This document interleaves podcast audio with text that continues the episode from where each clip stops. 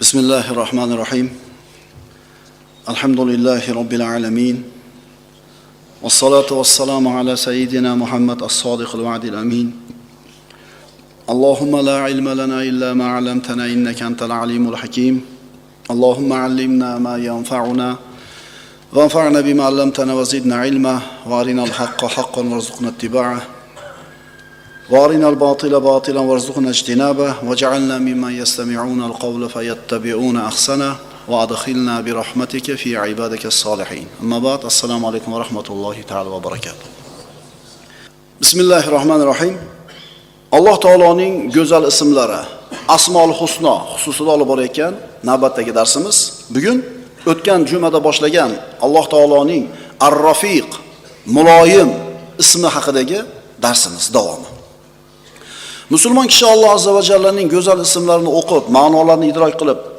borar ekan shu o'rgangan narsasini hayotida tatbiq qilish kerak. Alloh taoloning mana shu ismidan o'ziga bir nasiba olishlik kerak. Alloh taoloning al afu ekanligini kechiruvchi ekanligini bildimi? Kechiruvchilik sifatini o'zida paydo qilish kerak. Alloh taolo karim saxovatli zot ekanligini o'qib o'rgandimi? Saxovat degan narsani o'zida paydo qilishlik kerak. Alloh taoloni ar rafiq alloh taolo muloyim ekanligini bilganidan keyin musulmon kishi o'zida mana shu muloyimlik sifatini paydo qilishga harakat qilishlik kerak. Fa innalloha yuhibbu rifqa fi amri kullihi. Rasululloh aytadilar alloh azza va jalla har bir ishda muloyimligini yaxshi ko'radi. Muloyim odam. Ya aisha innalloha rafiqun yuhibbu rifqa. Ey oysha dedilar rasululloh sollallohu alayhi vasallam. Albatta Alloh rafiq muloyim zot muloyimlikni yaxshi ko'radi. Muloyimlikka bergan narsani qo'pollikka bermaydi. Qo'pollikdan boshqa narsaga ham bermaydi. Kadal halimu an yakuna nabiyan degan hikmat bor. Halim odam nabiy bo'lishlikka yaqin. Nabiy kim? Inson zotidagi eng afzal insonlar. Demak halimlik muloyimlik yumshoqlik xulqlarni sayyidi hisoblanadi. Inna rifqa la yakunu fi shay'in illa zanahu. Rasululloh aytadilar muloyimlik yumshoqlik qaysi ishda bor bo'lsa shu muloyimlik shu ishni go'zal qiladi. Vala yunzau min shay'in illa shanahu. Endi qaysi ishda muloyimlik olib qo'yilsa yo'q bo'lsa shu ish xunuk bo'ladi. Demak siz bilan biz alloh taoloning ar rofiq muloyim alloh taoloning muloyim zot ekanligi haqida dars qilyapmiz. Mana endi muloyimlik. Kimlarga nisbatan bo'ladi?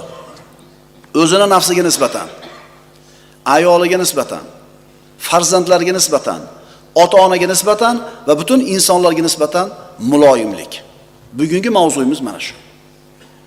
Inson avvalambor o'zini nafsiga arrofiq muloyim muomala qilishligi kerak.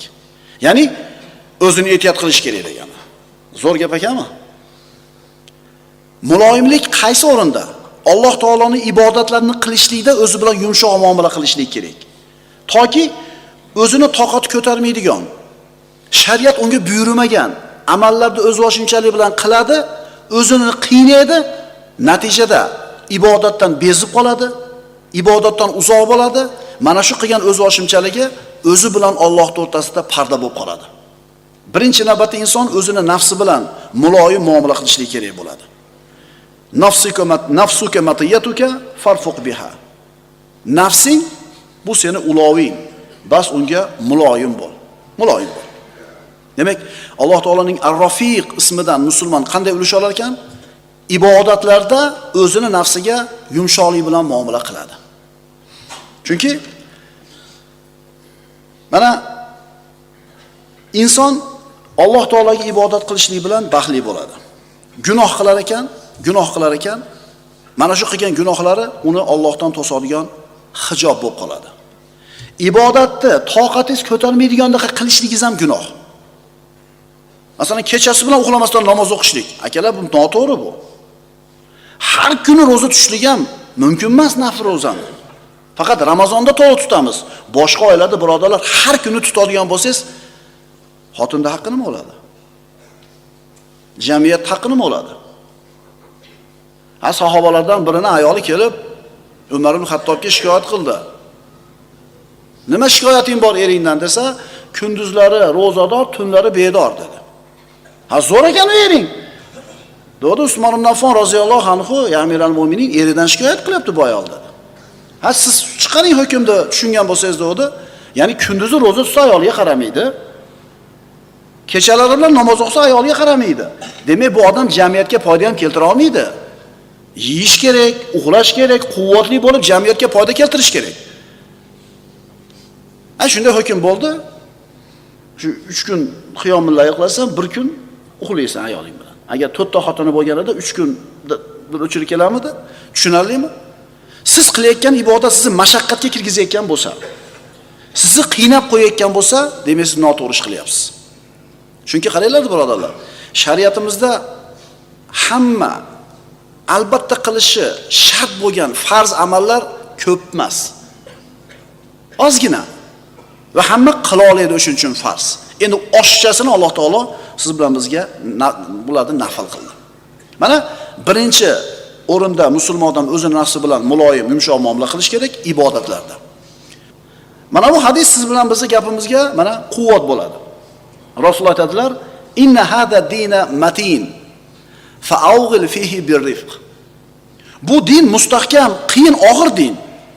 Unga yumshoqlik bilan kiringlar. Rasululloh rifq, muloyimlik bilan kiringlar. Innal mumbatta la ardon qata va la zohran abqa. Ulovni minib, otni minib, tinmasdan choptirgan odam, yumshoqlik qilmasdan, otni toqatiga qaramasdan, tinmay choptirgan odam na manzilga yetib boradi, na ulovni tirik qoldiradi. Shuning uchun birodarlar, bizning nafsimiz, bizning ulovimiz Alloh taoloning ibodatini qilayotganda yumshoqlik bilan muomala qilaylik, toki bezib qolmasin ibodatdan. Tashlab yubormasin. Payg'ambarimiz aytganlar,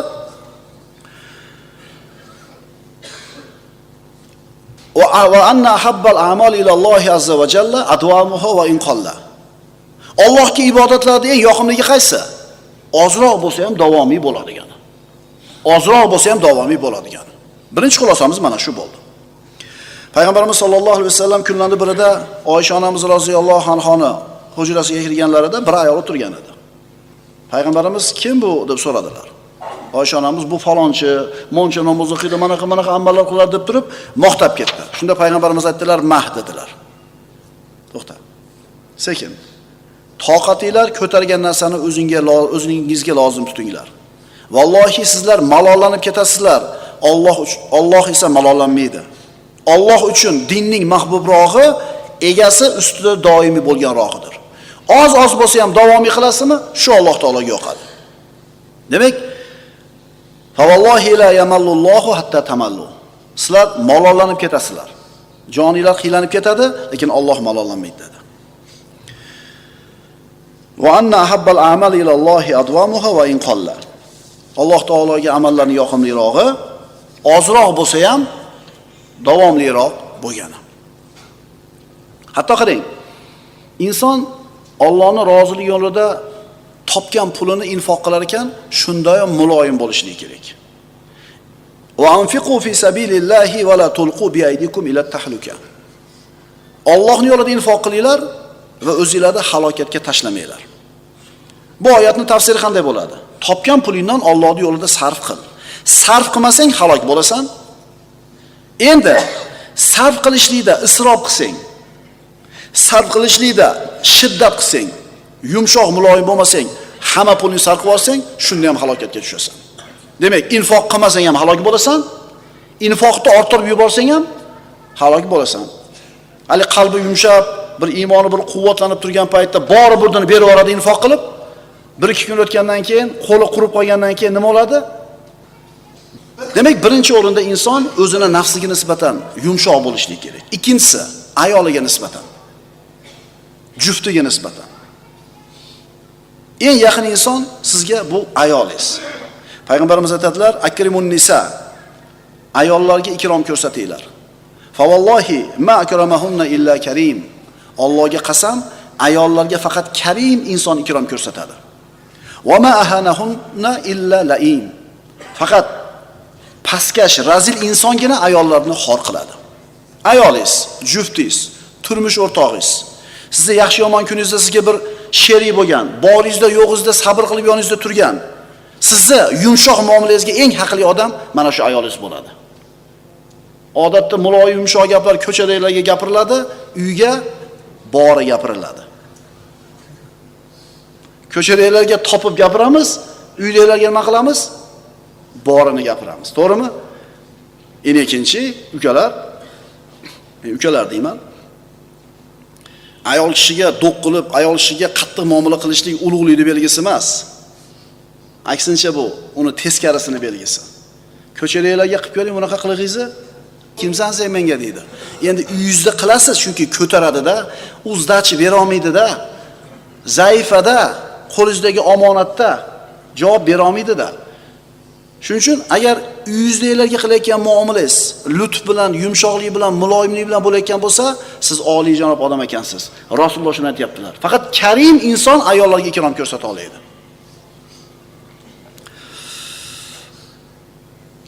Istasu bin nisa'i khayron. Rasululloh aytdilar, ayollarga yaxshi muomala qilinglar. Fa innal mar'ata xuliqat min dhil'in. Chunki ayollar qovurg'adan yaralgan. Qovurg'ani eng qiyshiq qismi uni yuqori tarafi. Agar tuzataman desang sindirib olasan, agar tek qo'ysang qiyshiqligicha turaveradi. Ayollarga yaxshi muomala qilinglar, deyapti Rasululloh sollallohu alayhi vasallam. Masalan, insof bilan aytadigan bo'lsangiz, o'zingizni qo'yib ko'ringda ayolni o'rniga. Sizga qanaqa muomala qilishlarini xohlardingiz? O'sha muomalani biz o'zimiz qilishimiz kerak. Shunda biz Alloh taolaning Ar-Rafiq, Alloh muloyim degan ismidan o'zimizga nima olgan bo'lamiz ekan? Ulush olgan bo'lamiz ekan. Agar erkak kishi o'zini jufti bilan ayoli bilan qilayotgan muomalasida muloyim bo'lsa, hikmat bilan yo'l tutadigan bo'lsa, albatta oilasi saodatli bo'ladi. Faman yu'tal hikmata faqat utiya khayran kathira. Kimga hikmat ato qilingan bo'lsa, dar haqiqat unga juda katta xayriyat ato etilibdi. Va ashiruhunna bil ma'ruf dedi Alloh taolo. Ular bilan tinch totuv yashanglar Ular bilan tinch totuv yashanglar Mana shu oyatni tafsirida aytishadiki, ulamolar ayollar bilan tinch totuv yashash degani, ma'ruf bilan muomala qilish degani ulardan yetayotgan, ya'ni ularga aziyat yetkazmaslik emas. Ayol bilan tinch totuv yashash degani unga aziyat yetkazmaslik emas, balki undan yetgan aziyatni ko'tarib sabr qilishlik. To'g'rimi? Bo'pti endi bolada deb qo'yasiz-ku kichkina bo'lsa. A bo'pti endi xotin kishilar deb qo'ya olmaymizda biz akalar. Hozir o'g'il bolalarni narxi shunaqa bir arzon bo'lib ketganmiki, tepa-teng aytishadi xotini bilan. Men erkak kishi edim, men sal balandroq turay, xo'p deb qo'ya degan gap yo'q. Ey sen xotin kishisan, xo'p deyishni bilmaysanmi? Aytyapti payg'ambarimiz, nima deyaptilar? Qiyshiq qovurg'a. Birodarlar, biz aytgandaqa bo'lmaydi. Ukalar, yangi uylanadiganlar yoki uylanganlar, yangi uylanganlar. Sizlar aytgandaqa bo'lmaydi. Mana oqsoqollardan so'ranglar. Yo bo'ladimi, hoji aka? bo'lmaydida to'g'rimi? Otangiz 60 yil, 50 yil turmush qilib, otangiz aytgandaqa emas eningiz. O'sha otangiz hikmat egasi ekan. O'sha kamchiligiga yuzini yumdi. Gap qaytargan bo'pti deb qo'ydi. Karim bo'ldi. Lutf bilan muomala qildi, oilasi buzilmadi. To'g'ri aytyapmanmi? Oson shart qo'yib boshqasiga uylanishlik. Bu chidamaslik ishi bu. Nasada sha talaqni berdim deydi. Ha, boblabsan. Sen chidamas ekansan. E u oxirgi variantida talaqni berishlik. Shuning uchun birodarlar, ayol kishi bilan ma'ruf holatda yashashlik nima desa, unga aziyat bermaslik emas, balki undan yetgan aziyatni nima qilishlik? Ko'tarishlik. E albatta chegarasi bor, uni ham aytib qo'yaylik. Nima desa ko'taraverish kerak ekan domla aytdi demanglar. Shariatni belgilab qo'ygan ramkasi bor, undan o'tib ketadigan bo'lsa javobini berish kerak bo'ladi. Kana Rasululloh sallallohu alayhi vasallam idza dakhala baytahu basaman dhahakan. Rasululloh sollallohu alayhi vasallam uyga kirsalar, deydi ummahatul mu'minlar aytadi, kulib tabassum bilan kirardilar. Mana shu muloyimlik, Alloh taolaning Ar-Rafiq, muloyim degan ismidan o'zimizga oladigan ulush mana shu. o'zimizni nafsimizga nisbatan muloyim bo'lamiz ibodatlarda, juftlarimizga nisbatan bo'lamiz, muloyim bo'lamiz.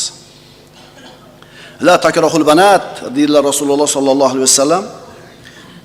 Imom Hokimdan bu hadis fa innahunnal mu'nisatul g'oliyat. Qiz farzandlarni yomon ko'rmanglar. Chunki albatta ular qimmat mu'nisatdirlar deydi. Kim aytyapti bu gapni bizga? Rasululloh aytyapti. Biz kimmiz Rasululloh oldida? Payg'ambarimiz ahlga qilingan yaxshi muomala eng katta yaxshilik ekanligini aytdilar. Xoyrukum xoyrukum li ahli va ana xoyrukum li ahli. Sizlarni ichinglarda eng zo'rlaringlar ahllariga yaxshi muomala qilganinglar.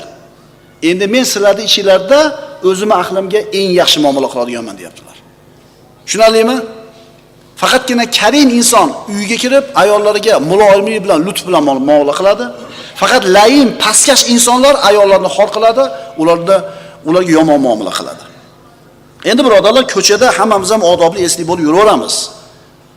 Bizni zamonda til bilan aytganda biznesi uchun. Keling akaxon deydi. Ichida to'ng'iz o'lib turibdi. Hali tovarni o'tkish kerak edi. Nima qiladi? Keling aka deydi. Bo'ldi mana deydi.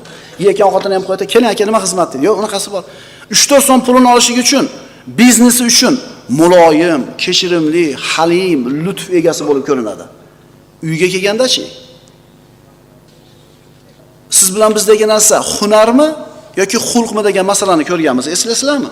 Mana ko'chaga chiqqanda muloyimsiz, kechirimlisiz, sertabassumsiz, zo'rsiz. Bu xulqmi, hunarmi? Qayerdan bilar edik?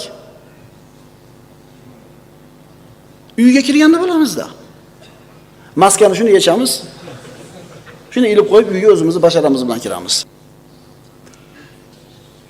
Birinchi o'rinda o'zimizni nafsimizga nisbatan ibodatda muloyim bo'lamiz, yumshoq bo'lamiz. Ikkinchisi ayollarga nisbatan yumshoq, rifq bilan muomala qilamiz. Uchinchi o'rinda bolalarga nisbatan muloyim bo'lishlik. Bolalarga nisbatan. Rasul aytdilar: "Allimu va la tuannifu, fa innal muallima khayrun minal muannifi." O'rgatinglar, bildiringlar. Albatta o'rgatuvchi muallim zo'ravonlik qilishdan ko'ra yaxshiroq. Bir xato qilsa, shart urishgani shoshilmasdan o'rgataylik. Biz o'zimiz ham yoshi bola bo'lganmiz, birodarlar, hammamiz. Biror bir xatoga yo'l qo'yganmiz, bilmaganimizdan, bilmay qilib qo'yganmiz. Shunda darrov urushib bersa, nima deganmiz? Ha men bilmabmanda Manaqa bo'ladi demabsiz-da, degansiz va haq bo'lgansiz. Mana endi o'zimiz katta bo'ldik. Bolalarimizdan bir xato o'tsa, tuzatib uni o'rgatamizmi yo darrov urushib beramizmi? Biz urush beramiz hozir. Sababi asablar tarang, ha, nervlar predeliga yetgan, ko'chadan siqilib bo'g'ilib kelamiz. Zaharni kimga chachamiz? Ochmaysan ham eshikda tez-tez deysiz, signal chalib ozgina turib qolsangiz. yo ozgina choy ulgurmay qolgan bo'lsa, ovqat ulgurmay qolgan bo'lsa, nima qilib o'tirishibsan uyda? Shunaqa bo'lib qolganmiz, chunki ko'chada tarang bo'lib kelib, uyga shirin gapimiz qolmagan. Yaxshi ota qaysi ota? Ota uyga kirganda bayram bo'lib ketish kerak oila a'zolari uchun, otani kirishligi. Chiqib ketganda bayram bo'lish kerak emas. Ha, xudoga shu. Dading chiqarib olaylik. Bolam, xo'p, nima desa xo'p deb turib nima qilib olsin? Nari bo'lib olsin. Ishanola 2 kunga yetadi endi. Mana shu zaryad 2 kunga yetadi. Agar bizni shu skritikam bera qo'yib qo'yib turib, uyda qilayotgan qiliqlarimizni o'zimizga qo'yib bersa-da 2 kundan keyin uyatsak kerak ko'pchiligimiz qilayotgan qilishimizdan. Hamma emas endi, albatta Alloh rahmat qilgan odamlar bor, halim, muloyim, ayollarga lutf bilan muomala qiladi. Endi Alloh bergan tabiat. Masalan, bir xato qilganda bolani darrov urib so'ymasdan tushuntirsangiz, tushunadi. Masalan, kiming bomdod o'qimasang kalta yeysan dedingiz. Bu tarbiyani bitta uslubi, ikkinchisi kim men bilan bomdod o'qisa, mana bunaqa mukofot bor dedi. Qaysinisi samaraliroq? Albatta ikkinchisi. Albatta ikkinchisi. O'rgatinglar, zo'ravonlik qilmanglar, albatta o'rgatuvchi zo'ravonlik qilishidan yaxshiroqdir. Ibodatlarda o'zimizga nisbatan yumshoq muomalada bo'lamiz. Ayolimizga yumshoq muomalada bo'lamiz, farzandlarimizga yumshoq muomalada bo'lamiz, ota-onaga. Alloh azza va jalla ota-onaga yaxshi muomala qilishlikni o'ziga ibodat qilishlikni yonida zikr qildi. Va qada robbuka alla ta'budu illa iyyahu va bil validayni ihsana. Parvardigoringiz yolg'iz uning o'ziga ibodat qilishlaringizni hamda ota-onaga yaxshilik qilishlaringizni amr qildi. Faqat menga ibodat qil, yon boshida nimani aytayapti? Roza tut demayapti. Namoz o'qi demayapti. Orqasidan zikr qilayotgan narsa ota-ona. ey birodarlar ota onasi bor odamlar qanaqa boy ekanligini bilmaydi u ota onani yo'qotganlardan so'ranglar uni qanaqaligini Taassub. qo'linglarda uch to'rt so'm pulinglar bor. Kafelarda ujin qilasizlar har kuni. Mashinalarni ko'ramiz ayrimlarni taniymiz. Har kuni kafeda o'tiradi yigit. Tovuq yeydi shashlik yeydi osh yeydi go'sht yeydi otangni o'tiribdi uyda. E g'animat otangni ketib qolgandan keyin dod deysan foydasi bo'lmaydi. Agar otangdan alohida yashayotgan bo'lsang bola chaqang o'tiribdi uyda. Seni ikki og'iz shirin gapingga muhtoj ayoling turibdi. Seni tarbiya nasihatingga muhtoj bo'lgan farzanding o'tiribdi. Ko'chada ovqatlanasan boyvachcha. Ertaga ko'rasan mana shu qilgan ishingni samarasini bolalaring katta bo'lib senga berahm beshafqat mehri yo'q bo'lib ulg'ayganidan keyin ularni qo'lida qolasan bir kuni og'riyotganingga ham qiylanayotganingga ham parvo qilmasdan chiqib ketayotganini ko'rganda o'sha yegan shashligingdan yegan tovug'ingdan ko'r buni sababini biz man qilmaymiz ovqatlaninglar mayli lekin odat bo'lib qolmasin akalar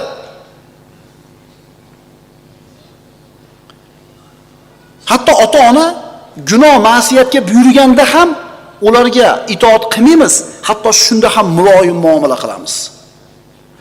Va in jahadaka ala an tushrika bi ma laysa laka biha ilm fala tuti'huma va sohibuhuma fid dunya ma'rufa. Ota onaga muomalalarni qaranglar. U seni vujudingni sababi seni gunohga buyurgan chog'ida ham hali gunohga buyurmayapti. Gunohga buyurgan chog'ida ham qo'pollik qilishga haqqing yo'q oyatni olasanmi sen mana oyat. Agar ular seni o'zing bilmagan narsalarni menga sherik qilishlikka zo'rlasalar u holda itoat etma. Faqat itoat etma. Ularga dunyoda yaxshi muomalada bo'lgin. Itoat qilmaysiz xolos. Hatto shunaqa gunohga buyuradigan ota ona bo'lsa ham muloyim muomala qilasizlar. Muloyim muomala qilamiz ukalar. Seni otang oq qildim demaydi. Mingtadan bittasi aytar. Lekin dilini og'ritib qo'ydingmi? Oq bo'lganing shu. Endi kasang oqarmaydi ikki dunyoda.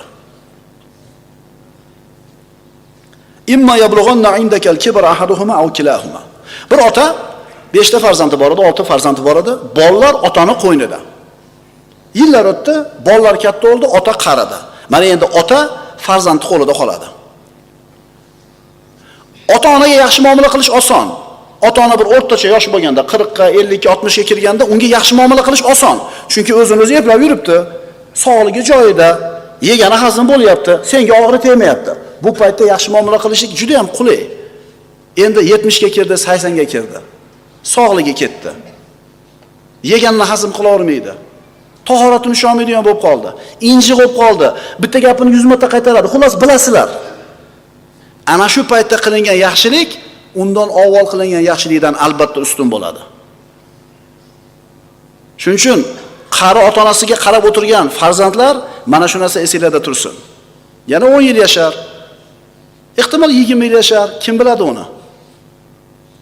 O'tib ketgandan keyin pushaymon bo'lmaylik birodarlar. O'zimizni nafsimizga ibodatda yumshoq muomala qilamiz. Ayollarimizga yumshoq muomala qilamiz. Farzandlarga yumshoq muomala qilamiz ota onaga yaxshi muomalada bo'lamiz yumshoq muomalada bo'lamiz. Eng shirin gaplarni o'zi ota onaga gapirish kerak o'zi. Chunki xotin ham bolangiz ham yoningizda turibdi. Sizdan kichkinada ular. Ehtimol sizdan uzoqroq lekin ota ona sizdan burunroq ketishi aniq. Ko'proq sizdan burun ketadi.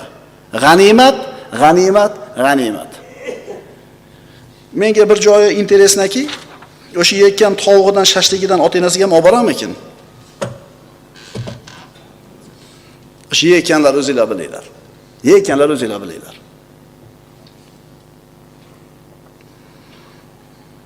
ishoninglar birodarlar ota onasini rozi qilib kuzatgan inson dunyoni o'zida saodatni his qilib yashaydi ota onasi undan rozi bo'lib ketgan inson ikki dunyoda saodat topadi va buni aksi ota onasini norozi qilib kuzatganlarni holi birodarlar xarob ikki dunyoda